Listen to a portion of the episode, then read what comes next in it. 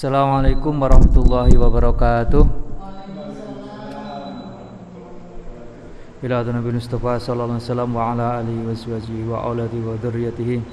Thumma ila hadrati banihim ila amri wa mursalin wa awliya wa syuhada wa salihin wa sahabati wa tabi'in wal ulama ila amin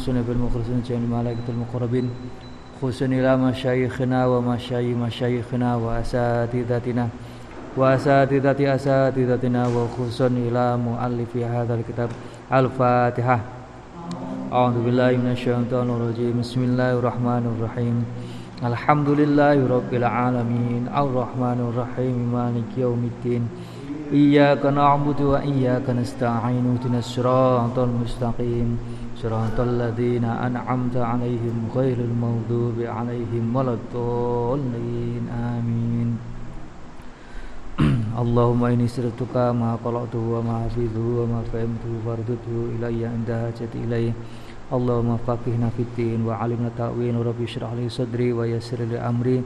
Wa hlul 'uqdatam min lisani yafqahu qawli. Alhamdulillah kita bisa ngaji lagi kitab Riyadhus Shalihin. Kita hari ini masuk di bab baru. Babun fil istiqomati ya babun fil istiqomati yang sebelumnya babun fil yakini wa tawakkuli sekarang babun fil istiqomati bab tentang istiqomah ya. bab tentang istiqomah ya. Istiqomah itu artinya ya jejak ya. Tetap ya. Maksudnya jejak dan tetap dalam melakukan kebaikan ya. Jejak dan tetap dalam melakukan e, ibadah misalkan Nah, kalau di dalam tasawuf itu ya, dalam uh, bab makomat, bab makom-makom, bab tingkatan-tingkatan ya, istiqomah itu tingkatannya sebelum ikhlas ya. Jadi istiqomah baru kemudian ikhlas ya. ya kayak kemarin yang yakin kemudian tawakal gitu ya. Yakin itu menjadi syarat ya e, untuk bisa tawakal, untuk bisa pasrah. Nah, kalau istiqomah ya itu ya menjadi syarat ya, atau menjadi salah satu syarat e, untuk bisa ikhlas. Ya. Istiqomah itu syarat e, untuk untuk bisa ikhlas. Ya. E, jangan istiqomah itu kan e, terus menerus melakukan kebaikan gitu ya. Jadi kebaikan yang sama ya rutin dilakukan ya, maka kalau itu terus-menerus dilakukan secara istiqomah, maka e, akan muncul keikhlasan. Sebab yang namanya keikhlasan itu tidak bisa di, dibentuk sekaligus gitu ya. Tidak bisa dimunculkan dalam seketika ya. Kayak misalkan kita ngaji ini kan sudah berapa? Sudah setahun lebih ya Mas kalau nggak salah ngajinya ya. Ngaji ini sudah setahun lebih ya kalau nggak salah. Ya kira-kira sudah setahun lah. Nah ini kalau sudah bisa setahun lebih ya kira-kira ini sudah sudah bisa disebut istiqomah lah ya. Paling enggak dalam jangka waktu setahun ini ya kita sudah bisa istiqomah e, jejak tetap ngaji kita periode solihin malam Kamis ini. Nah, nah mungkin di awal-awal ketika pertama ngaji ya kita masih belum masih meraba-raba kira-kira masih e, masih menata kira-kira e, saya bisa kelas atau enggak gitu ya. Jadi tidak bisa dibentuk uh, tidak bisa dibentuk sekaligus ya pada hari yang sama pada saat yang sama, tapi ikhlas itu bisa dibentuk uh, sesuai dengan perjalanan waktu ya. Kalau memang amalannya itu diamal dilakukan secara terus menerus, ya, ngajinya dilakukan terus menerus secara istiqomah, maka untuk bisa ikhlas itu lebih mudah ya. Nah itu. Ya, makanya dalam tasawuf ya istiqomah itu satu tingkat di bawah ikhlas ya atau satu tangga untuk menampaki tangga berikutnya yaitu ikhlas ya. Nah itu. Nah sekarang kita di bab istiqomah ya. Babun Bismillahirrahmanirrahim babun utawi iki kubab fil istiqomati ing dalam nerangake istiqomah bab tentang istiqomah ya istiqomah itu uh, iltizamu tariqis sawabi ya, jadi uh, menetapi atau uh, tetap terus berjalan di jalan kebaikan. Ya gampangannya terus melakukan kebaikan. Itu namanya istiqomah ya. kayak misalkan ini ngaji ya. Setiap malam Kamis kalau kita selalu rutin mengikuti ya kita bisa disebut istiqomah ya.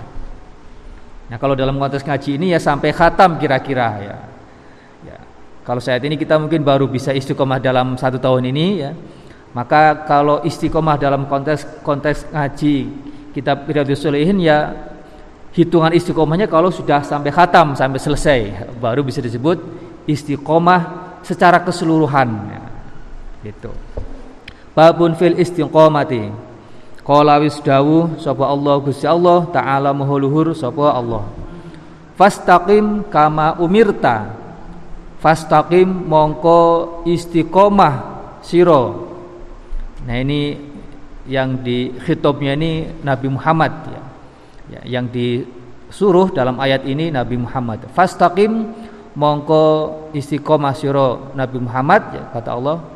Kama kama omirta koyo oleh wis dan perintah sopo siro Muhammad.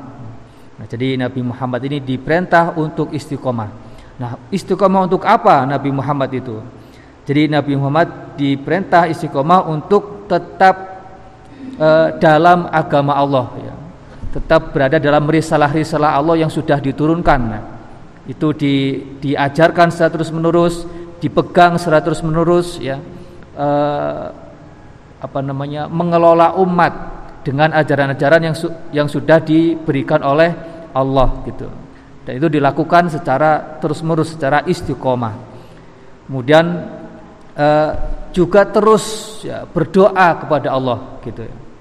Berdoa kepada Allah sebab eh, pertolongan itu ya eh, selalu dibutuhkan ya, terutama dalam masa perjuangan Nabi ketika eh, apa menyebarkan Islam gitu ya membuat Islam agar lebih mapan itu kan eh, perlu upaya dan doa terus menerusnya Nabi selama hidupnya itu disuruh istiqomah ya. fastaqim kama umirta ya maksudnya di istiqomah dalam eh, menjalankan dan menyebarkan agama Allah, agama Islam dan menjalankan semua perintahnya ya, dan menjauhi larangannya. Fastaqim kama umirta. Nah, ketika Nabi disuruh istiqomah kayak gini bukan berarti sebelumnya Nabi tidak istiqomah gitu kan.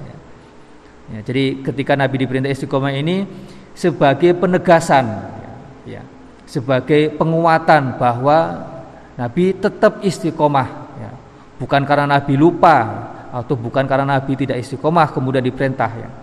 Tapi Nabi sudah sudah istiqomah. Kemudian ditegaskan lagi bahwa tetap istiqomah terhadap atau pada agama Allah gitu. Nah, kalau dalam tafsir itu disebutkan eh, Nabi itu sampai ubanan itu. Nabi rambutnya ubanan mikirin ayat ini nih. Fastaqim kama umirta disuruh untuk istiqomah ya. ya. Tadi kan Nabi sudah istiqomah tapi kemudian ditegaskan fastaqim kama umirta.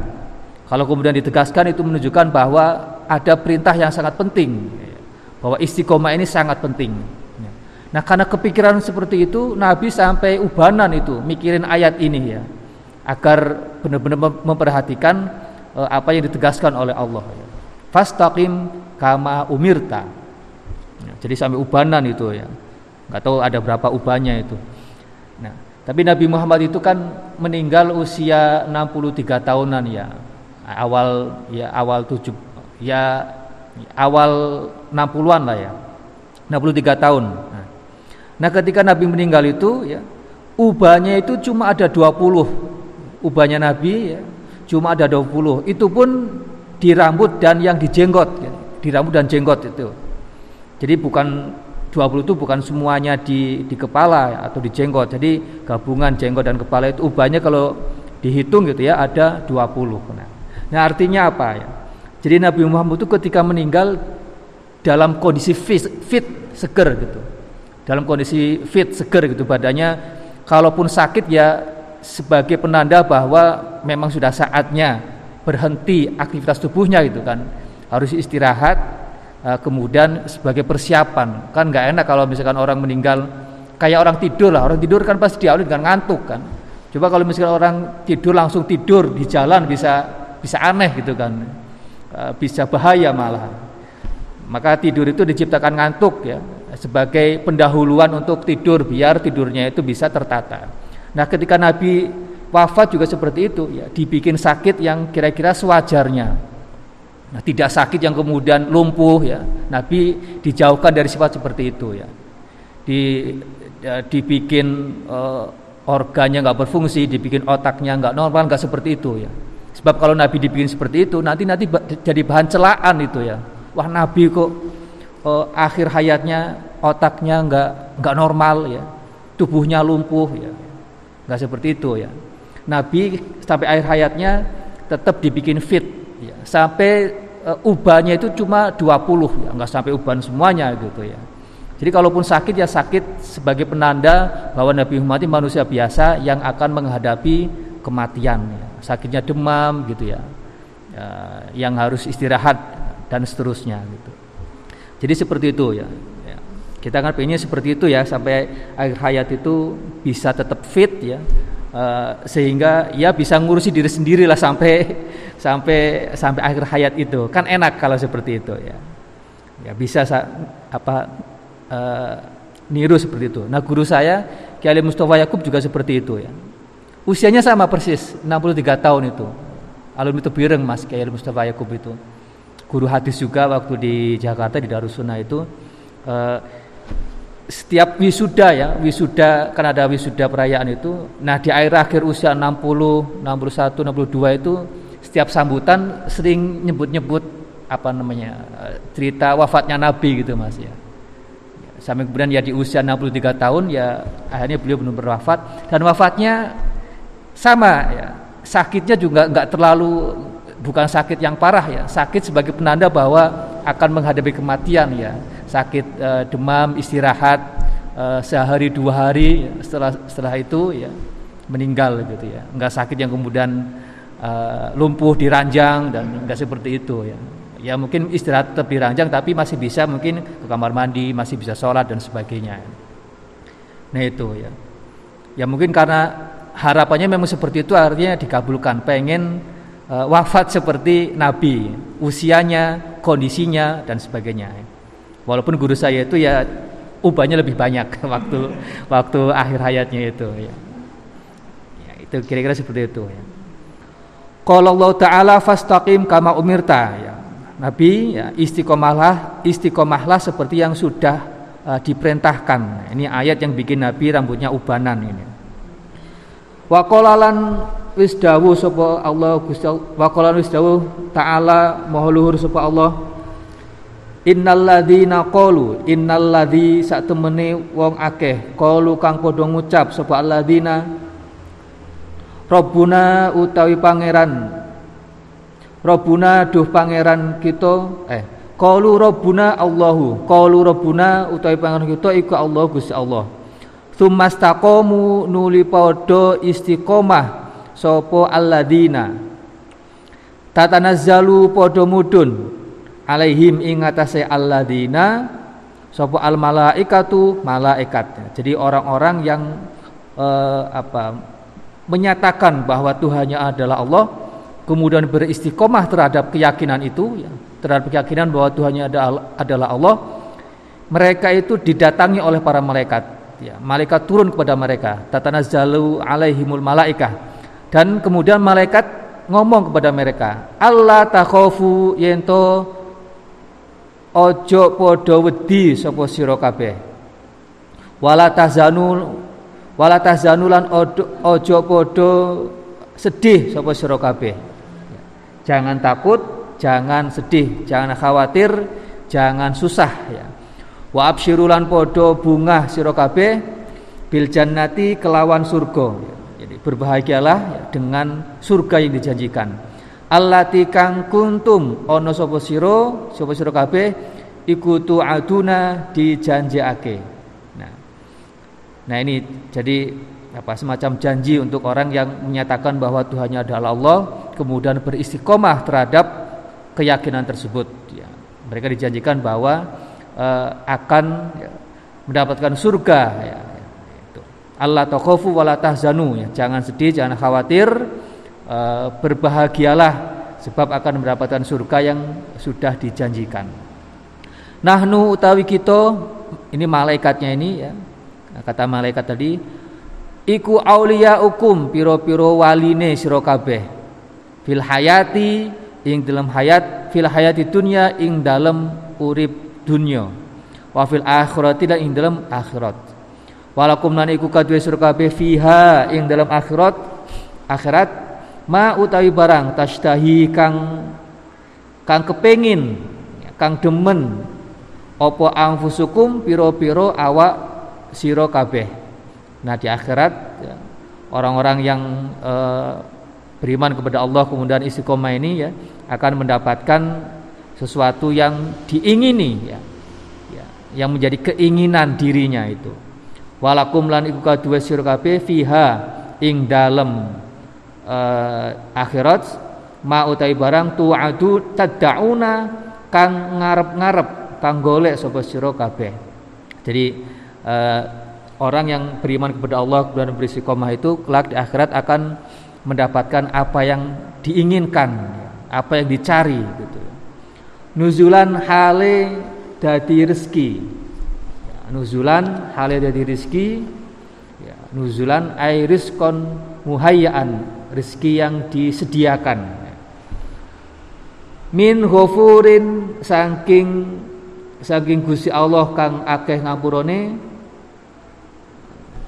rohi bin ghafurin saking Gusti Allah kang akeh ngapurane rahimin tur uh, akeh uh, rahmate.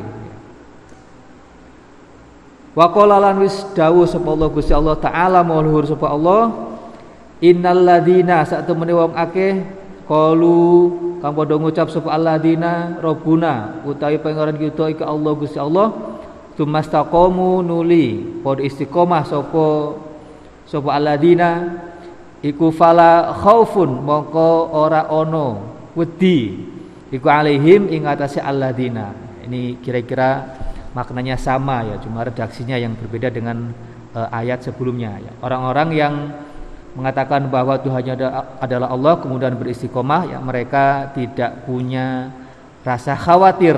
Ya. walahum lan ora ono utawi alladina iku yahzanuna podo sedih sopo uh, alladina ulaika utawi uh, utawi alladina iku ashabul jannati piro-piro wong kang duweni surga penghuni surga. Penghuni surga khalidina hale padha langgeng kabeh fiha ing dalam jannah ing dalam surga. Jazaan kelawan dadi piwales bima kelawan barang kanu kang ono sapa alladzina iku maluna padha ngamal sapa alladzina nah itu. Jadi orang yang beriman kepada Allah kemudian beristiqomah ya, mereka akan mendapatkan surga ya, sebagai uh, ganjaran atas amalan mereka, atas istiqomah mereka gitu. Nah itu ayat-ayatnya, ayat-ayat atau dalil-dalil istiqomah, ya, dalil yang menganjurkan kita untuk beristiqomah, ya, untuk jejak dalam kebaikan, ya, untuk terus-menerus melakukan kebaikan. Wa an Abi Amrin sekarang hadisnya. Wa an Abi Amrin dan saking Abu Amr. Wakilalan den ucapake Abi Amrota, Abu Amroh. Jadi Abi Amrin ada Abi Amroh gitu. Rupane Sufyan bin Abdullah Sufyan bin Abdullah radhiyallahu muga-muga paring ridho sapa Allah Gusti Allah anhu saking uh, Abu Amrin atau Abu Amroh Kala wis ngucap sapa Abu Amrin kultu ngucap sapa ingsun Ya Rasulullah duh Gusti Rasul kul kula aturi ngucap panjenengan. Li marang ingsun fil islami ing dalam Islam kaulan ing ucapan la as'alu kang ora nyuwun sapa ingsun anhu. La as'alu kang ora takon sapa ingsun anhu saking kaulan ahadan ing wong siji ghairaka kang saliyane panjenengan. Jadi ini si Abu Amr Abu Amr ini nanya, "Ya Rasulullah, ya tolong beritahu saya satu kata-kata ya. satu kata-kata yang saya tidak perlu tanya lagi ke orang lain maksudnya cukup dari Nabi ya. minta satu kata yang singkat e, padat dan jelas ya. sehingga saya nggak perlu penafsiran lagi apalagi dari orang lain la as'ala anhu ahadan ghairaka kola kola ngucap sapa kanjeng Nabi kemudian Nabi mengatakan kul ngucap siro amantu iman sapa ingsun billahi kelawan Gusti Allah. Summa nuli istakim istiqomah siro nah ini jadi uh, tadi orangnya minta semacam nasihat gitu ya. Satu kata yang yang yang cukup jelas singkat padat ya, sehingga tidak perlu penafsiran dari orang lain. Nabi mengatakan berimanlah kepada Allah kemudian istiqomah ya, iman kepada Allah dan istiqomah. Ini kan uh, apa menjadi penjelas gitu ya dari atau Nabi sebenarnya ingin menjelaskan ayat ini sebenarnya yang di atas sebenarnya kan sama itu. Innalladzina qalu rabbunallah tsumastaqamu ya beriman kepada Allah mengakui bahwa Tuhannya adalah Allah kemudian istiqomah ya. Nah amantu billah. Jadi suruh beriman kepada Allah summastaqim kemudian istiqomah. Percaya kepada Allah ya. Percaya dengan uh, yang diperintahkan oleh Allah ya, yang diturunkan oleh Allah lewat Rasulullah kemudian istiqomah. Jalankan secara istiqomah ya secara terus menerus nah itu. Amantu billahi summastaqim berimanlah kepada Allah kemudian istiqomah Wa an Abi Hurairah ta rawi sing riwayatake hu ing hadis sapa Muslimun Imam Muslim. Wa an Abi Hurairah talan saking Abu Hurairah radhiya muga-muga pareng ridho sapa Allah Gusti Allah anhu saking Abu Hurairah. Kala wis ngucap sapa Abu Hurairah, kala wis dawuh sapa Rasulullah sallallahu alaihi wasallam. Qaribu wasaddidu. Qaribu wasaddidu. Qaribu sedeng-sedeng sedeng-sedeng sapa sira kabeh. Jadi ya yang sedang-sedang saja, jangan berlebihan. Jangan berlebihan juga jangan kekurangan. Jangan uh, jangan terlalu ekstrim. Uh, jangan ekstrim kanan, ekstrim kiri gitu ya. Jangan terlalu banyak, jangan terlalu sedikit.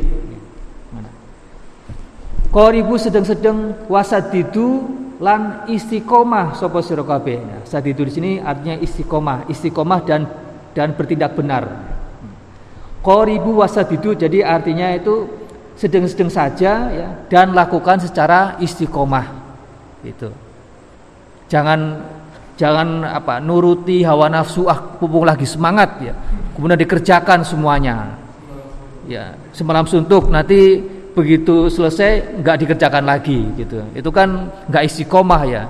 Dikerjakan selesai eh, apa namanya sampai bikin capek kemudian ada kesempatan berikutnya tidak dikerjakan ya ya, ya sedang-sedang saja tapi bisa dilakukan secara terus menerus itu lebih baik ya. Daripada sekaligus kemudian bikin lelah tapi tidak dilanjutkan gitu. Nah artinya ini kan sesuatu yang sangat manusiawi gitu kan ya Ya, ya jangan terlalu sedikit kalau memang punya kemampuan lebih ya. Tapi kalau memang punya kemampuan lebih ya jangan dipol, jangan digaspolkan gitu. Nanti malah malah e, gampang capek ya.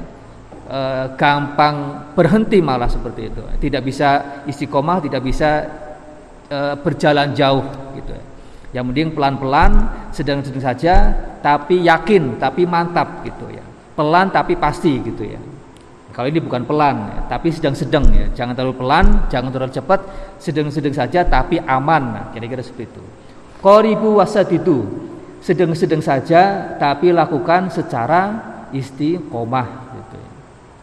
ya kayak kita ngaji ini kan eh, teks yang kita baca kan ya secukupnya kan ya secukupnya yang sedang-sedang saja, nggak terlalu pendek ya, juga juga nggak kepanjangan ya.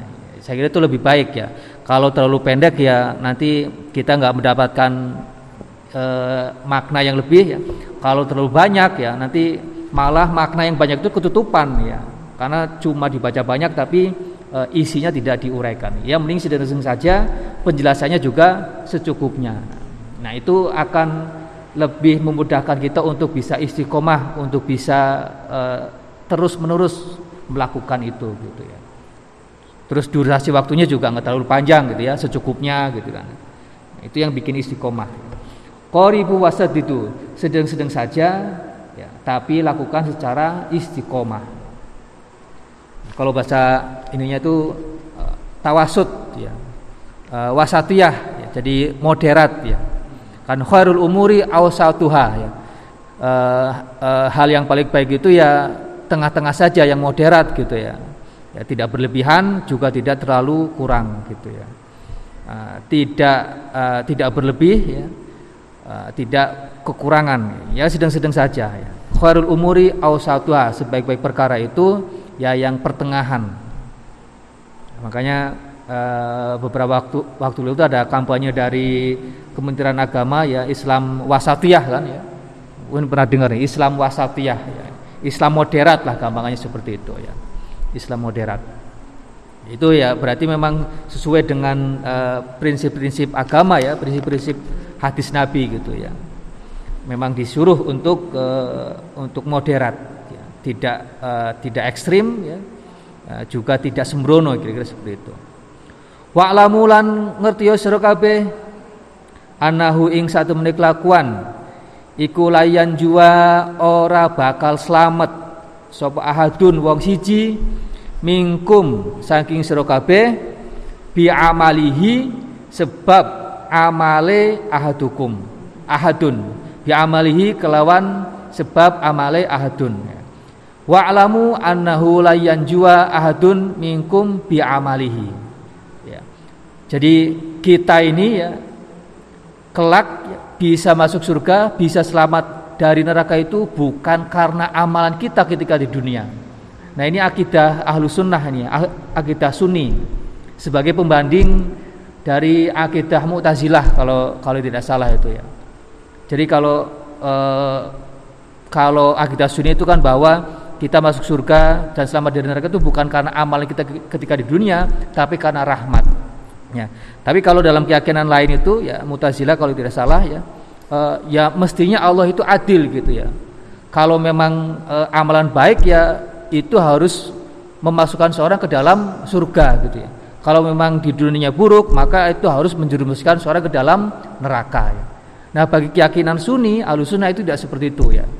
Jadi Allah itu maha kuasa ya, dan kekuasaan Allah itu tidak tidak didikte oleh amalan manusia. Tidak didikte oleh amalan manusia. Ketika Allah memasukkan kita ke dalam surga, itu bukan karena amalan kita, bukan karena kita mendikte Allah dengan amalan kita ya tapi karena memang rahmatnya Allah ya. tapi karena memang rahmatnya Allah gitu ya. jadi akidahnya seperti itu ya kita masuk surga itu bukan karena amalan tapi karena rahmatnya Allah nah salah satu rahmatnya Allah adalah ketika di dunia kita diberi kekuatan untuk beramal baik ya. Jadi anu eh, logikanya beda gitu mas ya jadi masuk surga karena rahmat ya bukan karena amal. Tapi di antara bentuk rahmat Allah adalah kita diberi kekuatan untuk bisa beramal. Sehingga dengan amalan itu ya menjadi salah satu faktor bahwa kita menjadi ahli surga ya. Gitu. Jadi bukan karena amal kita masuk surga ya, tapi karena kita dapat rahmat Allah kemudian bisa beramal. Jadi logikanya seperti itu ya kita dapat rahmat Allah sehingga bisa beramal ya. ya. Rahmat Allah ya itu adalah surga itu gitu ya. Jadi kalau kalau kita mau mendeteksi ya kira-kira kita jadi ahli surga atau tidak ya ya lihat kira-kira dalam kehidupan dunia seperti apa. Apakah kita mendapatkan rahmat Allah atau tidak? Ya itu bisa kelihatan nanti itu ya. Nah, bentuk rahmat Allah adalah ketika Allah memberikan taufik dan hidayah kepada kita untuk melakukan kebaikan-kebaikan. Tapi bukan kebaikan itu yang bisa masukkan kita ke ke surga gitu ya, tapi rahmat Allah gitu ya. Itu itu salah satu keyakinan kita, keyakinan uh, ahlu sunnah gitu ya. Terus kemudian bahwa uh, bukannya di banyak ya ayat Al-Qur'an atau hadis yang mengkaitkan antara amalan dengan dengan balasan surga gitu ya. Ya tetap gitu ya. Walaupun misalkan ada ayat ya udkhulul jannata bima kuntum ta'malun ya. Masuklah ke surga karena amalan yang sudah kalian lakukan. Ya. Jadi itu kan ayatnya secara secara tekstual kan menunjukkan bahwa kita ini masuk surga ya karena amalan gitu ya. ya. Tapi kemudian e, para ulama gitu ya menafsiri bahwa ya amalan yang bisa masuk memasukkan seorang ke surga bukan amalannya itu sendiri gitu ya, tapi karena rahmatnya Allah. Di antara rahmatnya Allah adalah seseorang bisa beramal. Jadi logikanya itu ditarik mundur, ditarik mundur sampai ketemu rahmatnya Allah. Nah, dengan rahmat itulah seseorang bisa beramal, nah, sehingga nanti masuk surga gitu ya. Nah, makanya uh, yang kita minta ya selama di dunia itu ya rahmat sebenarnya ya. Kalau kita sudah dapat rahmat Allah, ya sudah yang lainnya itu ngikut ya. Ya bisa ibadah, ya bisa berbuat baik ya. Ya bisa menjadi orang yang bermanfaat ya. Itu kan semuanya berkat rahmat Allah gitu ya. Nah itu wa'lamu annahu la yanjuwa ahadun minkum bi amalihi ya. Jadi orang itu ya tidak akan selamat berkat amalnya alias amal seorang itu tidak akan menyelamatkan seseorang dari e, dari neraka atau bisa menjamin seorang bisa masuk surga. Kalau apa namanya? Kalau bahasa yang mudahnya itu ya e, orang hidup di dunia itu kan terbatas gitu ya. Orang hidup hidup dunia kan terbatas. Maka kebaikan-kebaikannya juga terbatas ya. Kebaikannya juga terbatas. Misalkan orang hidup uh, usianya 50 tahun, 60 tahun ya, ya kira-kira kebaikannya seputar itu kan, terbatas waktu. Sementara jaminan surga itu seumur hidup, eh bukan seumur hidup, selamanya ya, selamanya. Kalau mau hitung-hitungan yang adil-adilan kan mestinya ya kalau memang kebaikannya cuma 50 tahun, 60 tahun ya ya di surganya ya 60, 60 tahun aja kan ya. Kalau memang mau hitung-hitungan adil gitu kan, kayak orang jual beli gitu ya. Tapi ternyata logikanya enggak ya, logika Allah ketika orang masuk surga itu bukan karena amalannya ya, tapi karena rahmat Allah gitu ya. Wa'lamu annahu la yanju ahadun minkum bi amalihi. Jadi kita ini bisa selamat nanti di akhirat bukan karena amalannya. Qalu pada pada takon sopo sahabat wala antalan ora panjenengan ya Rasulullah duh Gusti Rasul Nah ini ketika Rasul mengatakan wa'lamu annahu la yanju ahadun minkum bi amalihi bahwa amal kita itu enggak menjamin kita masuk surga atau enggak menjamin menyelamatkan kita dari neraka, ini sahabat juga pada bingung, bukan bingung heran. Kok bisa kira-kira seperti itu? Padahal kita disuruh banyak beramal. Nah, mereka pikir yang menyebabkan atau menjamin mereka selamat dari neraka itu ya amalannya. Sehingga ketika Nabi mengatakan demikian, mereka heran wala anta ya Rasulullah ya. Apakah panjenengan juga seperti itu? Kola kola jawab sapa kanjeng Nabi wala ana lan ora ingsun ya. Nah, saya juga tidak ya. bahkan Nabi sendiri gitu ya eh, bisa nanti selamat di di surga kalau Nabi sudah pasti gitu ya. Artinya ketika Nabi dipastikan selamat di di akhirat itu ya bukan karena amalannya gitu illa ayyata ghammada kejaba yento nutupi ngebai banjiri. Ni ingsun sapa Allah Gusti Allah? Bi rahmatin. Nah ini dijelasin ini sama Nabi. Bi rahmatin sebab rahmate sebab rahmat minhu sangking Gusti Allah wa fadlin lan fadole Gusti Allah keutamaane Gusti Allah. Nah ini dipastikan lagi dijelaskan sama Nabi wala ana illa ayyataghammadani Allahu bi rahmatin minhu wa fadlin ya.